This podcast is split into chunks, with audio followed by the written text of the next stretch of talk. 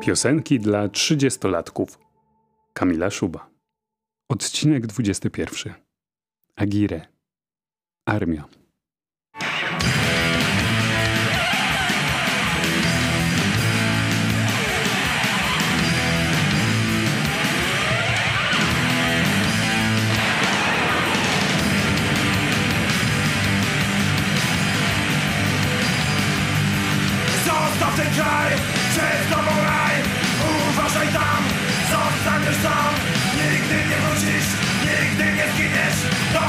Uciekasz, dokąd tak płyniesz Ha, jej!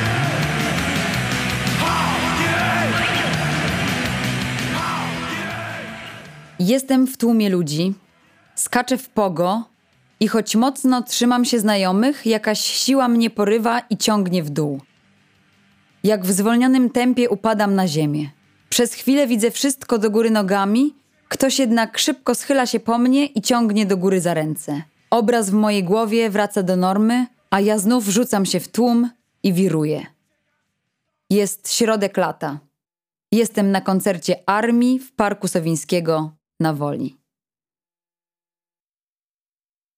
Rzadko chodziłam na imprezy w swojej okolicy. Od jakiegoś czasu wszystko, co ważne, działo się w Warszawie, więc nie utrzymywałam kontaktu ze znajomymi z podstawówki. Każdy z nas wybrał inną drogę.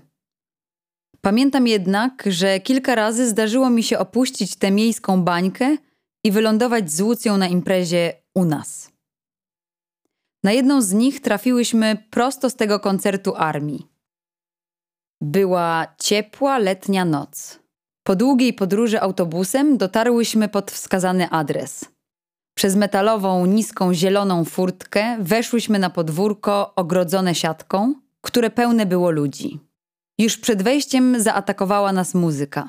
Jej źródło trudno było zlokalizować. Dobiegała zewsząd, otaczała wszystko i skutecznie nas ogłuszała. W małym, starym domu z czerwonej cegły, pamiętającym pewnie jeszcze czasy wojny, znajdowało się centrum dowodzenia tą imprezą. Udałyśmy się więc tam, aby przywitać się z organizatorami. Kiedy weszłyśmy do kuchni, zebrani przy piecu kaflowym ludzie zmierzyli nas wzrokiem i zamilkli. Chyba nigdy wcześniej nie widzieli kogoś, kto tak bardzo przekraczałby granice ich estetyki. Zamieniłyśmy więc kilka słów z paroma znajomymi i szybko wyszłyśmy na dwór. Zaczęłyśmy badać teren. Szukając źródła tego okropnego hałasu, przeszłyśmy przez podwórko, na którego skraju znajdowała się bardzo stara i duża stodoła.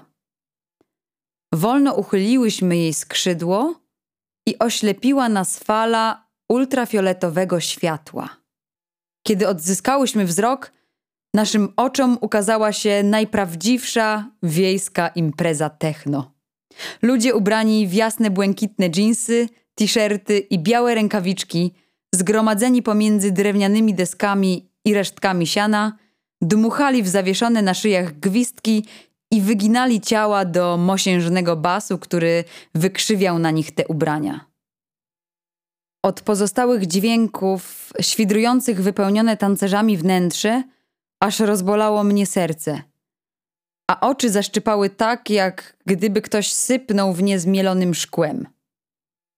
Popatrzyłyśmy na tę scenę przez chwilę, zamknęłyśmy drzwi i uciekłyśmy do domu, nie pozostawiając po sobie żadnego śladu. Z drugą imprezą poszło mi już lepiej. Właściwie nie wiem, jak to się stało, że się na niej znalazłam. Pamiętam tylko, że odbywała się latem w domu, na określenie którego ktoś użył wtedy słowa pustostan. Znajdował się on na skraju lasu, tuż obok innych podmiejskich rezydencji. Stał tam surowy i pusty pośrodku trawnika, którego nie ograniczało żadne ogrodzenie. W jego ścianach nie było okien ani drzwi. Mały pokój, w którym znajdował się stół ze sprzętem DJ-skim, odgrodzony został od reszty metalową siatką. Nie było w nim nikogo. Za to na zewnątrz były tłumy. Młodzież gromadziła się w podgrupach wokół samochodów zaparkowanych tam bez żadnych reguł. Stała, paliła papierosy, piła piwo i dyskutowała. Nie bardzo miałam z kim rozmawiać, więc usiadłam sama pośrodku ulicy. Dość szybko jednak przysiadł się do mnie Fragles, z którym w podstawówce stworzyłam zespół. Wyciągnął tytoń i na tym jeszcze ciepłym od słońca asfalcie uczył mnie skręcać papierosy.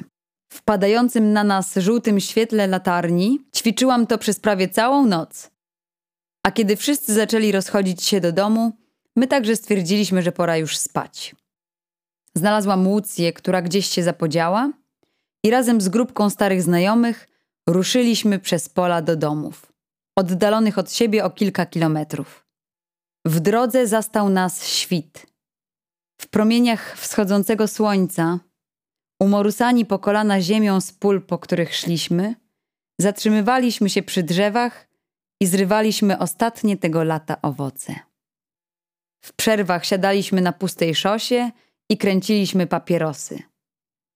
Wstawaliśmy i dalej przemierzaliśmy krainę naszego dzieciństwa, która powoli budziła się ze snu. Co jakiś czas ktoś z naszej grupy oddzielał się od reszty, skręcał do siebie i machając znikał za ogrodzeniem. Aż na końcu tej podróży zostałam sama. Szłam powoli, czując na brudnej, klejącej się od owocowych soków twarzy ciepły wiatr, który spokojnie muskał zboże wyrastające tuż obok mnie i tak słuchając śpiewu ptaków, pierwszy raz, zupełnie na poważnie pomyślałam, że jestem stąd i że jest mi tutaj dobrze. Weszłam do domu, zaciągnęłam zasłony w oknach i szczęśliwa położyłam się spać. Piosenki dla trzydziestolatków. Czytali Joanna Roskosz i Adam Markuszewski.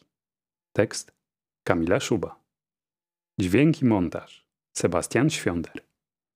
Zrealizowano w ramach programu stypendialnego Ministra Kultury i Dziedzictwa Narodowego.